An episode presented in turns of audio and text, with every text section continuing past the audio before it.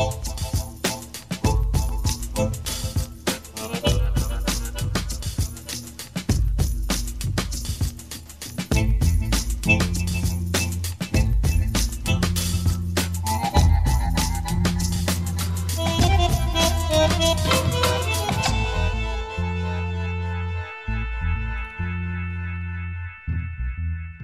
Da li si videla da je postavljen predizborni miting Vučić održao u Srpskoj akademiji nauka i umetnosti. Kako da ne? Tako. Tamo ima dovoljno zavetnika da su sad izmislili neki jubilej od 182 godine, 3 dana i 25 minuta akademije, ne bi li on izrekao da se plaši izbora sledeće godine u Evropi, što će biti pogubno naravno za Kosovo. Njegov alter ego, tako da kažem, Orban je praktično preplavio Budimpeštu plakatima na kojima je glavni arhineprijatelj Ursula von der Leyen. Sada ona zamenila Sorosa, jer sad nije zgodno biti antisemita u ovom momentu, ali tako?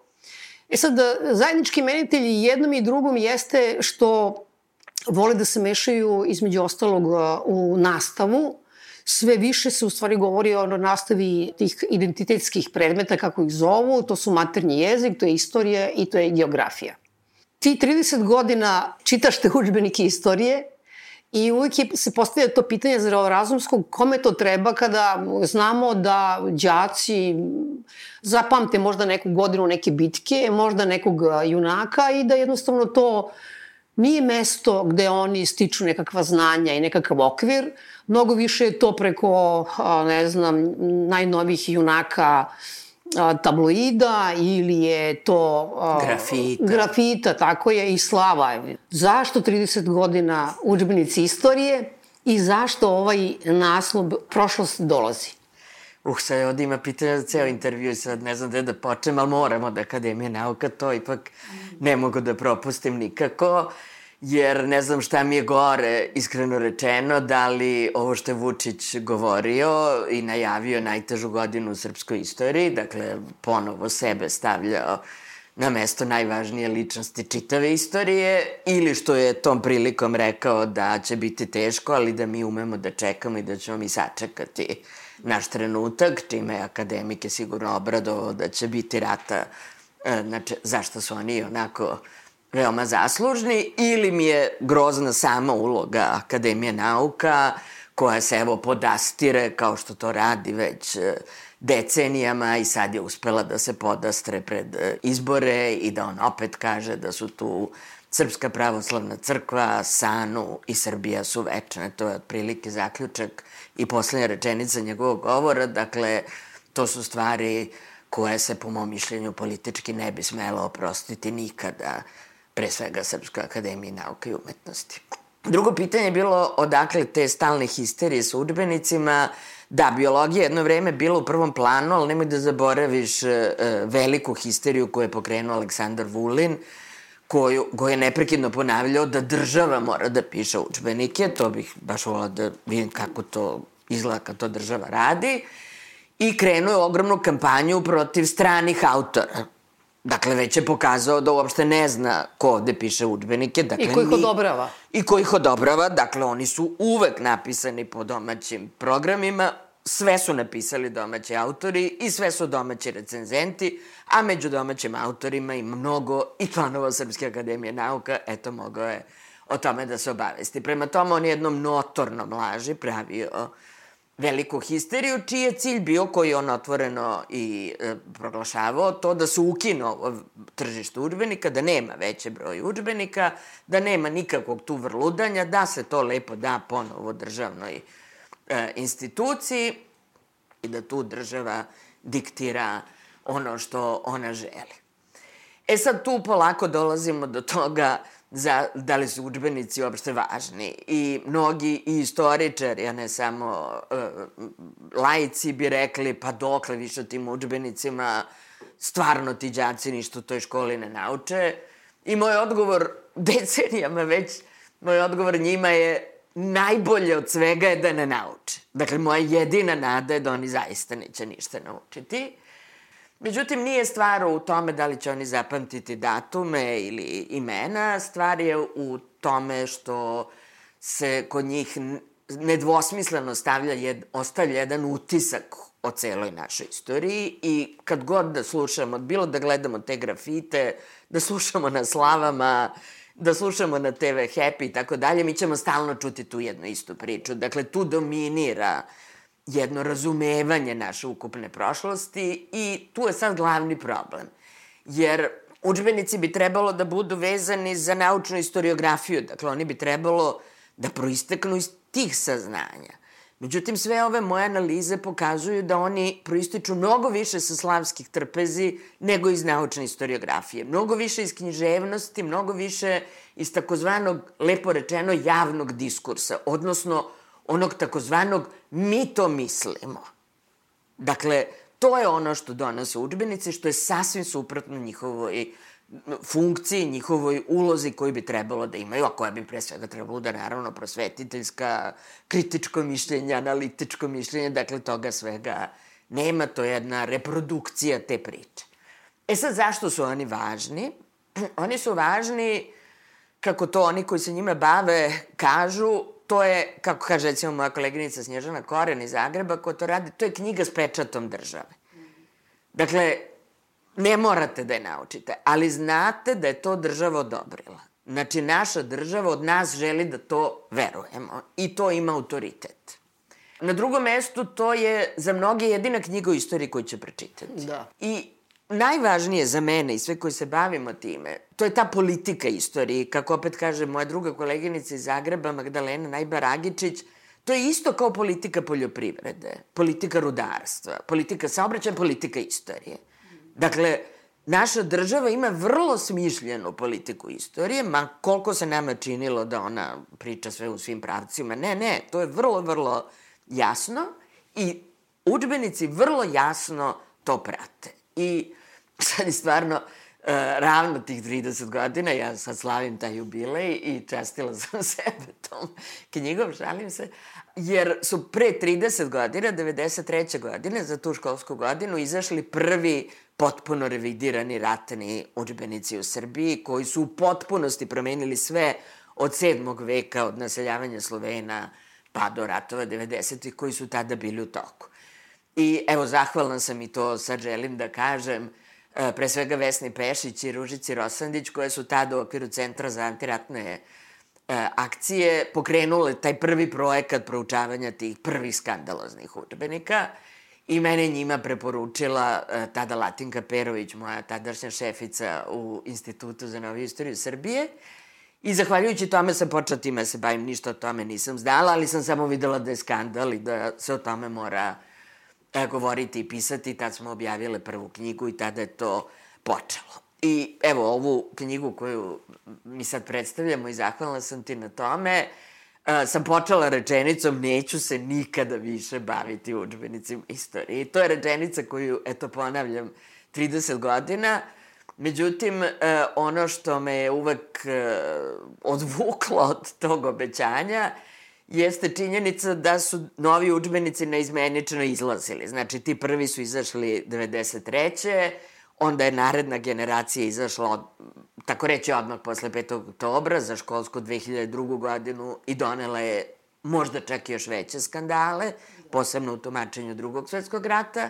Onda je bila jedna reforma koja je omogućila ovo tržište učbenika 2010. godine, pa se pojavila nova generacija i sada posle jedne nove reforme 2020. 21. je izašla nova generacija, on, za ono što mene pre svega zanima, osmi razred i četvrti gimnazije, dakle, za savremenu istoriju.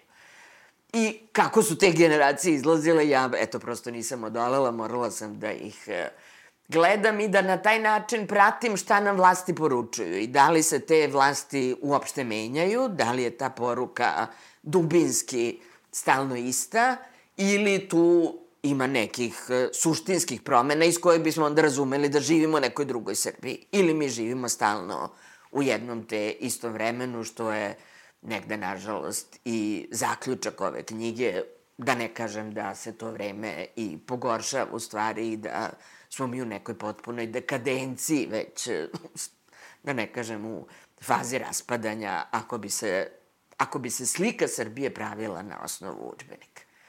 Ostalo je pitanje odakle naslov. To moram, to moram stvarno da ispričam. Zato što se ja na neki način za ovu knjigu spremam, ne znam, možda i 15 godina. I stvarno sam imala jednu sveščicu u kojoj sam zapisivala naslove, jer sam u stvari htela da kažem nešto kao povratak u budućnost, samo nekako da bude obrnuto. I onda se e, na Peščaniku pojavila fotografija jednog beogradskog grafita, fotografija Slavice Miletić, tako da sam zahvalna i njoj i Peščaniku. I na grafitu je pisalo prošlost dolazi. I to je bilo to. I bilo mi jasno da je to tačno to što hoću da kažem. To jest da se prošlost ovde nije završila, da mi prema njoj nemamo distancu, I da ne samo što mi živimo u prošlosti, kao što sam to često govorila na Peščaniku, stvar je još gora. Ovde se stvara utisak da će se prošlost tek desiti. Da će se ona tek u nekoj budućnosti rešiti. Ne može se tu a ne pomenuti Stojan Cerović i njegova stvarno vanvremena izjava da je ovde prošlost neizvesnija od budućnosti i to je nešto što se vidi vrlo jasno na svim ovim sramnim, moram da kažem, instrumentalizacijama koje možemo da nađemo u ovih 100 godina. Dakle, ovo je knjiga o više od 100 godina. Krenula sam od učbenika objavljenih 1913. i završila sam knjigu sa ovom najnovijom generacijom 2021. Dakle, to je skoro 110 godina učbenika i svih promena tumačenja savremene istorije. Malo pre kad si rekla da nećeš više da se baviš time, pa i nećeš morati zbog toga što kao da su svi politički akteri a, i celo društvo, da postoji neka vrsta jednoumlja, tako da kažem, o, o tumačenju u prošlosti, s kojim se slaže, prema tome ne, imam utisak da veliki deo i opozicije ili tako, kad bi došao na vlast, on ne bi imao ništa protiv ovih uh, učbenika i ovakve vrste tumačenja srpske istorije. E sad, Rekla si da to posmatraš od Balkanskih ratova, ali tako, 912. 13. pa do današnjih dana. I sad je zanimljivo kad si delila te faze, to mi je jasno, od 913. pa onda imamo do 945. pa onda dolaze komunisti, pa to onda važi do 93. godine. I to jednom neko ludačko brzanje. Od 2000. godine kada smo mi navodno izveli demokratsku revoluciju. Jeli? Još je važno tu da se kaže ovo što si pomenula, znači ja sam počela sa učbenicima iz 913. jer su u njima već opisani balkanski ratovi. Dakle, moje konzervativne kolege uvek će govoriti nema bez distance, bez 30 godina mi ne možemo ništa da procenimo. A oni sami pišu učbenike koji ih demantuju. I dakle, 913. već ulaze Balkanski ratovi. Dakle, vrlo su svesni koliko je važno e, nametnuti državnu interpretaciju budućim generacijama. Snježana Koren je u svojoj knjizi dokazala da je drug Tito u leto 1943. godine već rekao da će se istorija pisati po ofanzivama. U tom trenutku ih je bilo pet. Znači, još su se dve posle toga dogodile, ali on je već tada u stvari odredio to, taj novi ritam istorije, te rituale, taj gotovo verski odnos prema drugom svetskom ratu. I isto se desilo ove 93. Znači, te 93. ti prvi učbenici koji su bili skandalozni, u njih su već ušli ratovi koji su u toku, to je tek prva godina rata u Bosni, druga godina rata u Hrvatskoj, dakle sve je još kada znači, šta se gori dešava? zemlja. Tako je, gori zemlja, sankcije, izbeglice, katastrofa na sve strane i sve tri države koje su ratu odlučuju šta? Da menjaju prošlost. Za mene je to krunski dokaz u značaju učbenika. Inače, zašto bi se oni time bavili u tako, tako jezivom trenutku? I sad ti si dobro uh, ovo rekla da posle 2000. dolazi to ubrzanja. A u stvari dolazi do ubrzanja e, zato što su e, sve nove vlasti ili e, vlasti dok su bile tu razmišljale koji još deo istorije da prilagode svojim potrebama. Dakle, ovo što je izašlo 2002. godine, to je bila ta skandalozna revizija drugog svetskog rata u kojoj su se Srbija sasvim stavila na stranu Četnika. E, kasnije su izašli učbenici u kojima je dopisivan ovaj, ovaj kraj rata, ovi partizanski zločine 44. 45. jer to je bila i ona državna komisija Tadićeva i oni su prekopavali Adu Ciganliju, tražili Draži. dražine ostatke, išli u London, sedeli tamo mesec dana, tražili ključni dokaz, ne znam čega i tako dalje. Dakle, tu je bila koncentracija. I sada e, najnoviji Vučićevi učbenici, iako su u mnogo čemu bolji zaista i moram da pohvalim odmah da to slučajno ne zaboravim, recimo učbenik za sedmi razred Suzane Rajić i Danka Leovca ili za osmi razred Aleksandra uh, Todosijevića i Sanje Petrović Todosijević, koji pokazuju da se može bolje, čak i ovakvim uslovima, i da je moguće napraviti poštenu, tačnu verziju sa svim kontroverznim podacima unutra i ispričati ih na jedan za džake prihvatljiv način, dakle, da slučajno to ne zaboravim. E sad je naglasak na 90. I, jer se Vučić prvi seti u stvari da on mora da interpretira 90. Najbolje da on to sam za sebe uradi. I ovde sada imamo tu veoma opasnu priču o 90. koja se u prethodnim generacijama izbegavala. I ovo si potpuno pravo što si rekla na početku. Neće se niko buniti e, protiv ovakve verzije, jer šta se desilo? Te 93. Kao što je bilo još uvek otvoreno pitanje rata, imali smo snažni antiratni pokret u Beogradu i česte demonstracije, dakle, diskusija je bilo, sad je više nema.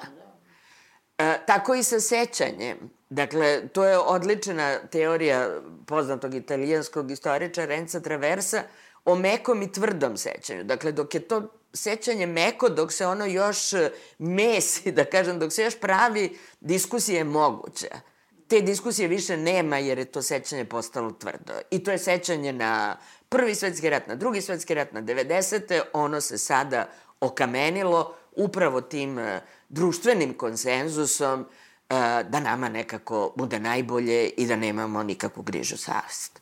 Ti si često govorila ranije da ti je bila zamerka da se i učbenici istorije i u istoriji samo tretiraju ratovi, bitke, bitka ova, bitka ona i da ispostavi se, da se u stvari da zaključiti da istorija i život nije ništa drugo nego tuča, jel da? E sad, ti si se odjednom odlučila ovde da u stvari obrađuješ samo ratove. Zašto sad imaš taj pristup? Pa upravo zbog ovo što si rekla, zato što se rat ovde zaista prikazuje kao centralni događaj u istoriji. Oni jesu bili naravno važni, Balkanski rat je utrostručio Srbiju, Prvi svetski rat je napravio Jugoslaviju, drugi svetski rat je napravio socijalističku federativnu Jugoslaviju i ratovi 90-ih su nam napravili ovo u čemu živimo. Dakle, oni jesu dramatično menjali naše realnosti, ali naravno da tamo posla da je rat jedini sadrži istorije. Ali oni se prikazuju kao vrhunci istorije i zato mi je bilo važno da upravo analiziram koje su to identitetske, vrednostne poruke koje se šalju baš preko rata, naravno. Pa dobro, ratovi su uvijek dobar povod ili katalizator, tako da kažem. Od iduće godine ruski e, dečaci i devojčice će imati novi učbenik istorije, jer sad treba nekako ovaj, Ukrajinu nekako tu umetnuti, jeli? Vidim da su novine izjednačavanje rata u Ukrajini sa borbom protiv nacista, da je ujedinjenje Nemačke u stvari, uh, oni tretiraju kao aneksiju istočne Nemačke i oni žure dok je ovo traje, dok se odrastu ove nove generacije, da jednostavno zacementiraju tu specijalnu vojnu operaciju, da je nazovu uslovno rečeno pravim imenom, jeli? Pa da, mi idemo tim putem, kako da kažem. To je počeo Putin još nekde oko 2010. On pre svega zabranio ove alternativne učbenike, vratio sve na jedan državni, dakle tu Vulin uopšte nije originalan, on takođe prati Putina i glavno pitanje je tu bio drugi svetski rat koji je za njih veliki otačbinski rat, dakle nema tako reći nikakve veze sa globalnim planom, već je to njihova borba i njihova pobeda. Dakle, počelo je s tim, dakle, počelo je s promenom učbenika i stigli smo onda do rata u Ukrajini kao nastavka drugog svetskog rata, tako reći, kako ga oni prikazuju. Tako da to uopšte nije naivno. Šta ovde dominira zapravo? Da li ovde dominira menjanje činjenica ili je u pitanju pre svega interpretacije ili to je jedno i drugo? To je naravno jedno i drugo, jer je naravno da bismo stigli do neke interpretacije potrebno nešto zaboraviti, nešto izmisliti, nešto dodati, nešto oduzeti. Dakle, činjenice moraju da se prilagode vrednostnim porukama koje po, moraju da pošalju, ali evo, čak i ja, posle 30 godina, istraživanja tih učbenika sam ostala stvarno zapanjena nad nekim činjeničnim promenama. I to sad insistiram zbog toga što opet moje konzervativne kolege koji su jako protiv e, konstruktivizma i postmodernizma će reći, a ne, činjenica je činjenica, datum je datum. E, ako pogledamo učbenike, onda ćemo videti da, je da nema granica. Dakle, da je stvarno toliko sve moguće da, evo, da sam sama bila zapanjena. Evo, navešću nekoliko primera, pa sami procenite kako je to uopšte moguće. E, recimo, u skoro svim međuratim učbenicima, izuzev možda dva, ako se dobro sećam, se uopšte ne pominje Turska kao zemlja koja je ušla u drugi Balkanski rat. Jer nekako ne možemo da budemo s Turskom na istoj strani. Mi to ipak... Arhineprijatelj. Arhineprijatelj, takozvanih pet vekova i sad odjedno mi zajedno protiv Bugara. Dakle, prosto nema Turske. Ima ko učestvuje u tom ratu, ima Grci, ima Srbi, ima Rumuni, sve, ima Bugari, nema Turci, recimo. Na isti način, odmah posle drugog svetskog rata i boga mi negde do 60. godina, u prvim učbenicima, nema uopšte drugog Balkanskog rata. Jer se ne može pisati ili kako objasniti učenicima da smo mi s prijateljskom socijalističkom Bugarskom bili u tako krvavom sukobu odjednom. Dakle, odlično rešenje. Ima prvi, nema drugi Balkanski rat i prosto ga nema. Kažem, sve negde do 60. godina nema rata. Ili recimo, evo ima, na primer, vrlo tu zgodnih caka, jedna od njih je šta se desilo s Gavrilom Principom. To je užasno zanimljivo da se prati, jer skoro čitav međuratni period nema njegovog imena. Znači, on se jo, nije došao do tvrdog sećanja, dakle, uopšte on nema ime gimnazist, đak, mladić, bolešljivi momak, dakle, tu su razni opisi, ali se on još uvek ne zove, jer on još nije heroj, jer ne znamo još kako ćemo s tim atentatom, uveo nas i u taj rat, znači, to još uvek je prilična rezerva, ali ono što je pre svega za njega tu rečeno, to je da je on jugoslovenski rodoljub. Nema ime, ali je jugoslovenski rodoljub. Onda dolazi socijalistički učbenici i on postaje napredni omladinac. On dobija ime, ne baš uvek, ali on napredni omladinac, tako reći preteča socijalističke revolucije i to je on jasno na levici i on vodi ka, e, ka socijalizmu bez ikakve dileme, da bi od 93. bez dileme postao srpski junak i tako prvi put piše ispod fotografije Gavrila Principa. Užasno je zanimljiv, recimo 27. mart, on je doživljavao najneverovatnije transformacije, tako da je u socijalističkim učbenicima, naravno, na najnegativniji način prikazivan pristupanje Trojnom paktu, s pravom, onda tu ima puč i onda idu veličanstvene narodne demonstracije u celoj Jugoslaviji, koje naravno organizuje i predvodi komunistička partija Jugoslavije. To je ono što smo mi učili. E, sad to cela ta stvar počinje da se menja i već u ovim učbenicima iz 93. godine pristupanje Trojnom paktu nije uopšte tako negativno. I tu već imamo relativizaciju da je možda mogla zemlja da se spasi na taj način, da smo mi mogli da izbegnemo rat, znači tu već imamo jednu ozbiljnu reviziju. Međutim, sad je otpala jugoslovenska dimenzija i sad su tu samo demonstracije u Srbiji i Crnoj Gori. Jer to je ta državica i samo su tu demonstracije. Komunistička partija se onako pominje, ali se dodaje sad Srpska pravoslavna crkva. Dakle, sad imamo još jednog organizatora ili tako reći naj, najvažnijeg organizatora. I sad je ono što je zanimljivo, u socijalističkim, nekim od socijalističkih učbenika se čak uopšte ne pominje puč. Njega nema nego samo veličanstvene narodne demonstracije. A onda 2000. godine, ovim prvim učbenicima iz 2002. godine, imamo samo puč i nemamo demonstracije. Znači, moguće je nemoguće. Jer sad ti učbenici iz 2002. oni su pročetnički, oni su na strani vojske i puča. I sad je tu puč glavni događaj i nema demonstracije uopšte. S tim što, evo sad opet u jednom učbeniku iz 2021. godine, cela ta stvar i puči demonstracije se odbacuju kao deo engleske zavere i to je sve britanski špijun organizovao da bi naša zemlja propala i tako dalje. Dakle, to je sada opet e, najnovija transformacija.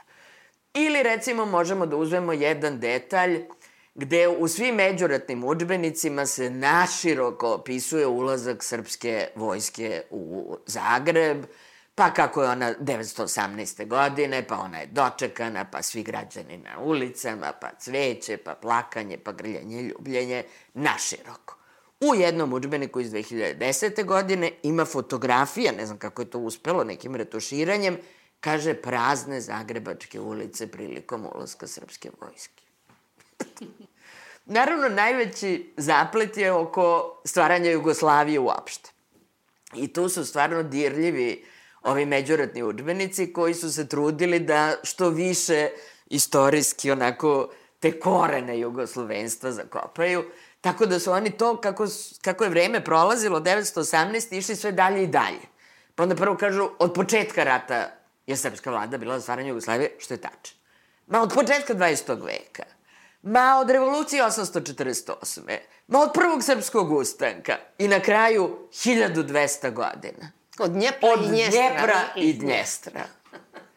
I onda izlaze ovi učbenici iz 93. Dakle, sad država se raspala i piše rečenica ideje Jugoslavije u Srbiji nikada nije bilo. Piše nikada. I onda se i dokazuje, jer kaže nije ni bila potrebna. Srbija imala svoju državu i šta je briga.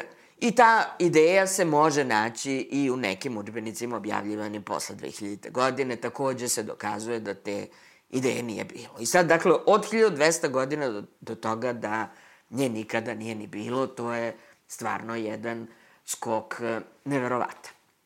Dosta je zabavan i odnos prema Rusiji, recimo.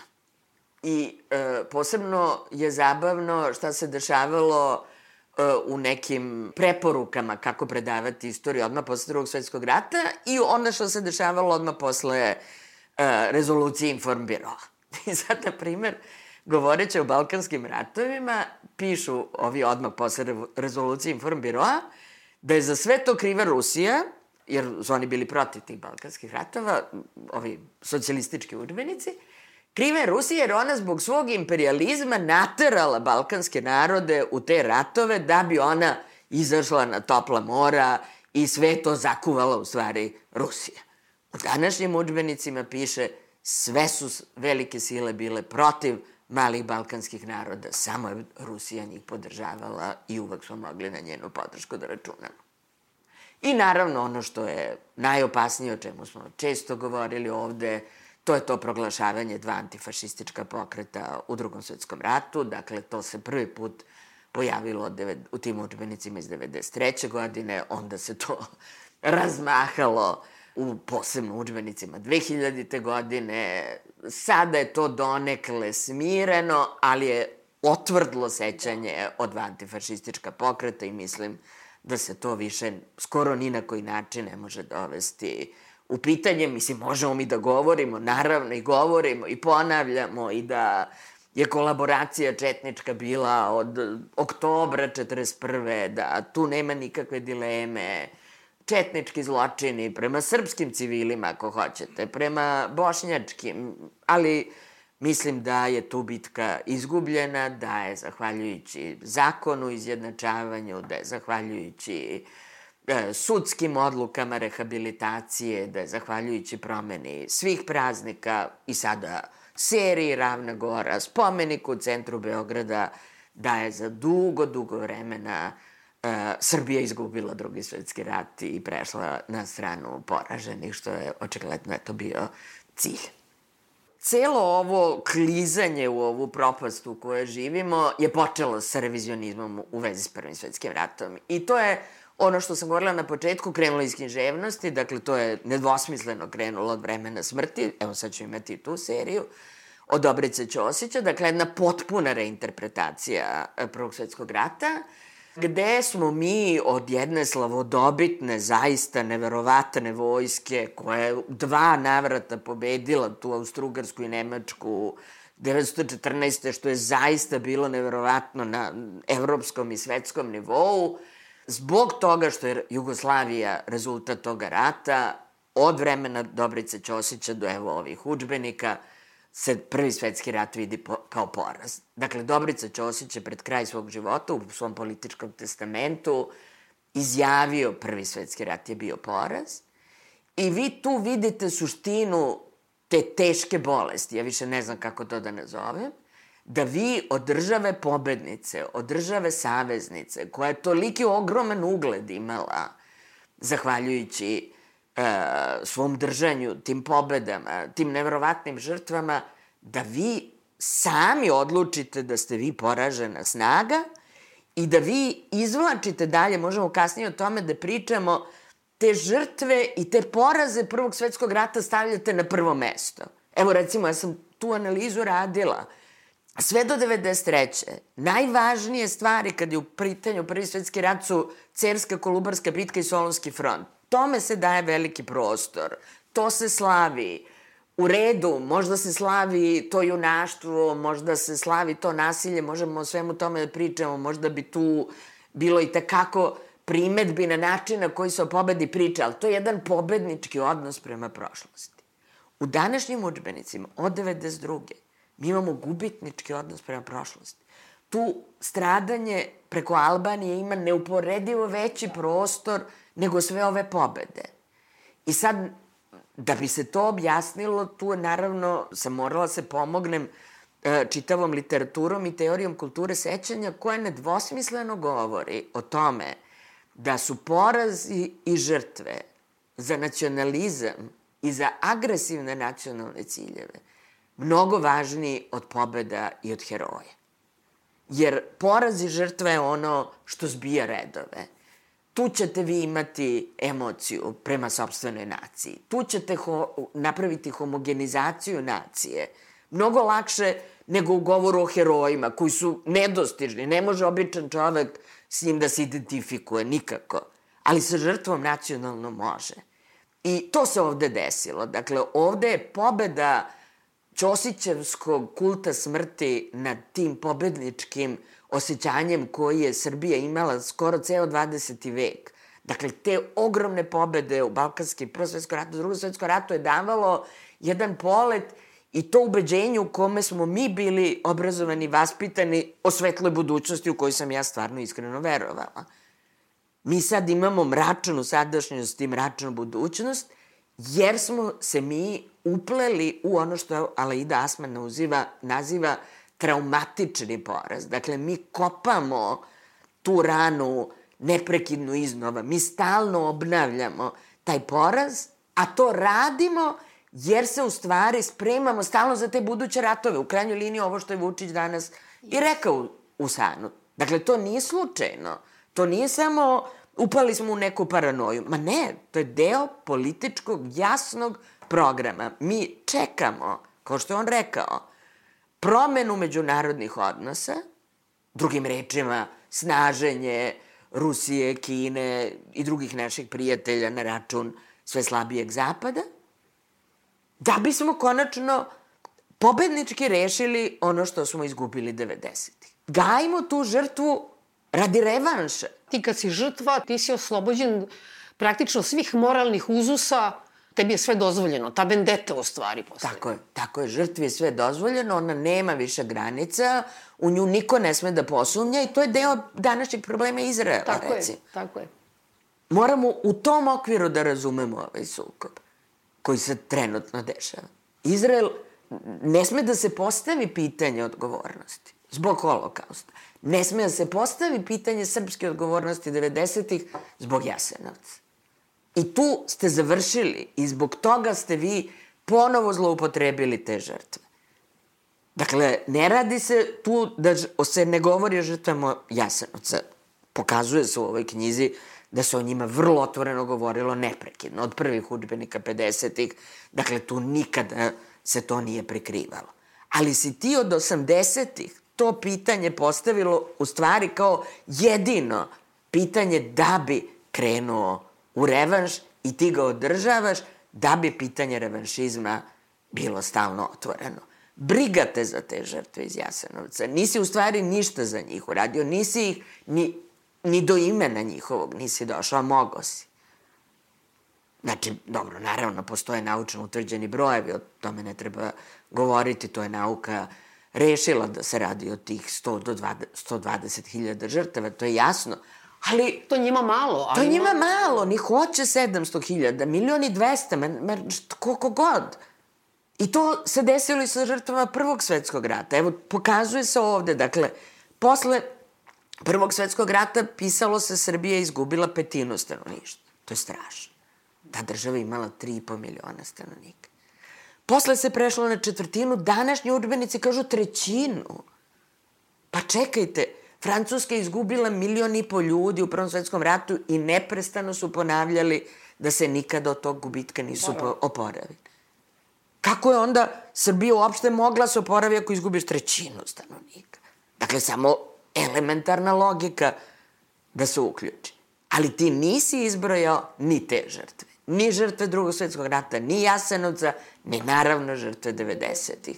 Jer ti neprekidno manipulišeš tim žrtvama i one su ti tu samo zbog instrumentalizacije i budućeg revaša.